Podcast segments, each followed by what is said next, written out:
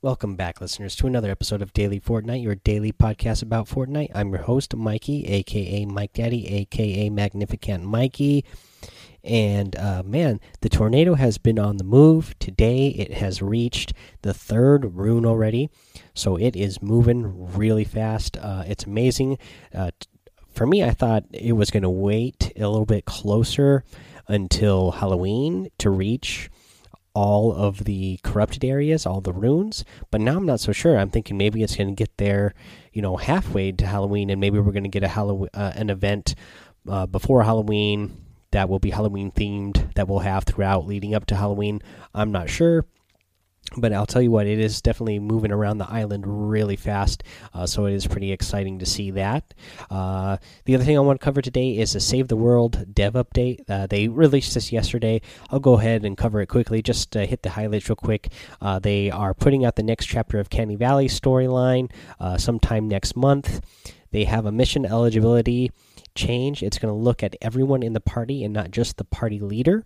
Uh, you can still play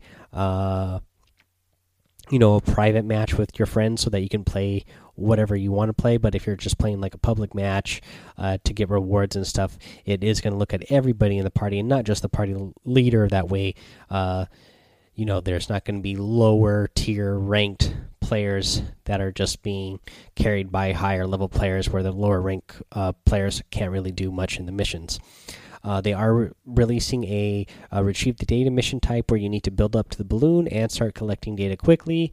And they also, in the dev update video, they tease that there's going to be some free heroes in the near future. So that is exciting as well. And that's all over in the Save the World. Again, I haven't played a whole lot of Save the World, just hardly any, but I do love having it. I love being able to have that option, and also I love just signing in every day, getting some of the rewards, and then every once in a while you get those rewards where you get some free V Bucks, which you can spend anywhere. You can also spend those on any of the items in Battle Royale. So I like getting those free V Bucks uh, for, for just signing in to. Uh, save the world on a daily basis and getting those rewards every once in a while. Um, let's see here. Let's go over one of the challenges again. Again, all the challenges this week are really straightforward, so I'm just gonna give you some simple tips to maybe how to get some of these done faster.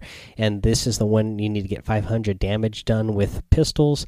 And this is can be done really easily if you prioritize carrying those dual pistols around, uh, because you're obviously going to get two shots off for, uh, in one, and so you're going to do a lot of damage. Uh, but I suggest this just because obviously you're going to get damage done. But this is a good weapon to get good with, anyways, just because uh, you see a lot of pros using this weapon and uh, you know, if you get really good at it and you start landing those headshots, uh, you can do a lot of damage and eliminate your opponents really quickly. And you can think of this kind of like a medium range shotgun. You know, it's going to have a longer range than a shotgun, uh, but it still does a hefty amount of damage, especially if you're landing those headshots.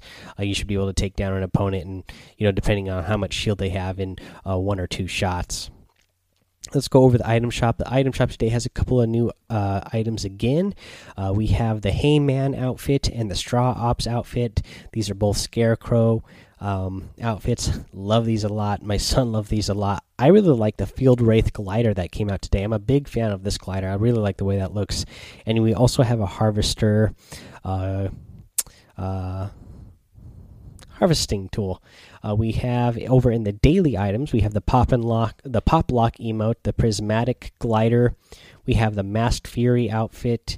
You get the renegade outfit. You get the studded axe harvesting tool, and we have the new emote, which is the T pose, where uh, you know it's especially going to go along really good with any of these uh, either of these scarecrow outfits that you get where you stand in a T pose and look like a scarecrow. Uh, but I do like this because eventually you, uh, your your character starts slumping down a little bit, like they're getting tired, and then they kind of like wake back up and remember, oh yeah, I'm supposed to be pretending to be a scarecrow. Uh, so it's actually kind of funny. I, I like that emote. Um, let's go over a, a, a tip of the day, and um, this is because the tip I'm giving you now is because we still have rifts in the game, we still have um, um, we still have rifts, and then we have the tornado, which uh, you can use to uh, glide around in. So there's a lot of options to be gliding around and moving around the map that way. Uh, you know, using your gliders.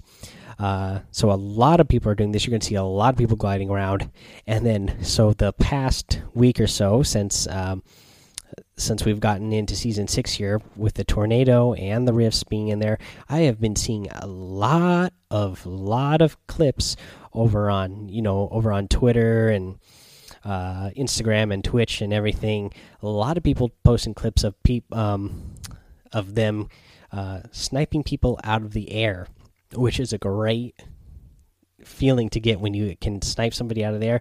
That is so awesome. Uh, so I want to help prevent you being from one of those people who is getting sniped out of the air, and that's just to change your movement, uh, your movement constantly when you're gliding. Um, you know, boom, you hear a shot, you uh, feel like that uh, shot was at you. You could by the sound, you could tell that it was coming at you. And so, what you want to you're going to start wanting to do is just going back and forth between diving and gliding, and then moving around left to right. Just don't make it uh, you know, don't set yourself on one single path where the opponent who is trying to shoot you can uh, easily guess where you're going to be moving to next. Don't just stay on the straight path of gliding, otherwise they are just going to, uh, you know, keep that. They're going to keep that uh, reticle right in front of you, take the shot, and hit you with it. So keep on the move, zigzagging, uh, going back and forth from gliding and diving. That way, you're not an easy target to hit. Alrighty, guys, that's all I have for you today in today's episode. Uh, we'll be back again tomorrow. Uh, so, real quick, you can support you can support Daily Fortnite by going to anchor.fm slash daily dash Fortnite. Uh, you can also support the show for free, of course, by going over to iTunes, Apple Podcasts, giving a five star rating, a written review, and subscribe while you're there as well, please. Um, let's see here. You can uh, follow me over or not follow me. Well, yeah, let's get to this one for you. You can follow me over on Twitch. Uh, but what I was going to say is you can also uh, join the Discord and hang out with us there. Uh, talk about, you know, we always talk about some fun stuff over there. Whatever new outfits are coming out, you know, different theories that we have, all kinds of fun things uh, to talk about over there. Uh, so come join us there. Uh, that's all I have for you guys today. I'm going to get out of here. So until next time, have fun, be safe, and don't get lost in the storm.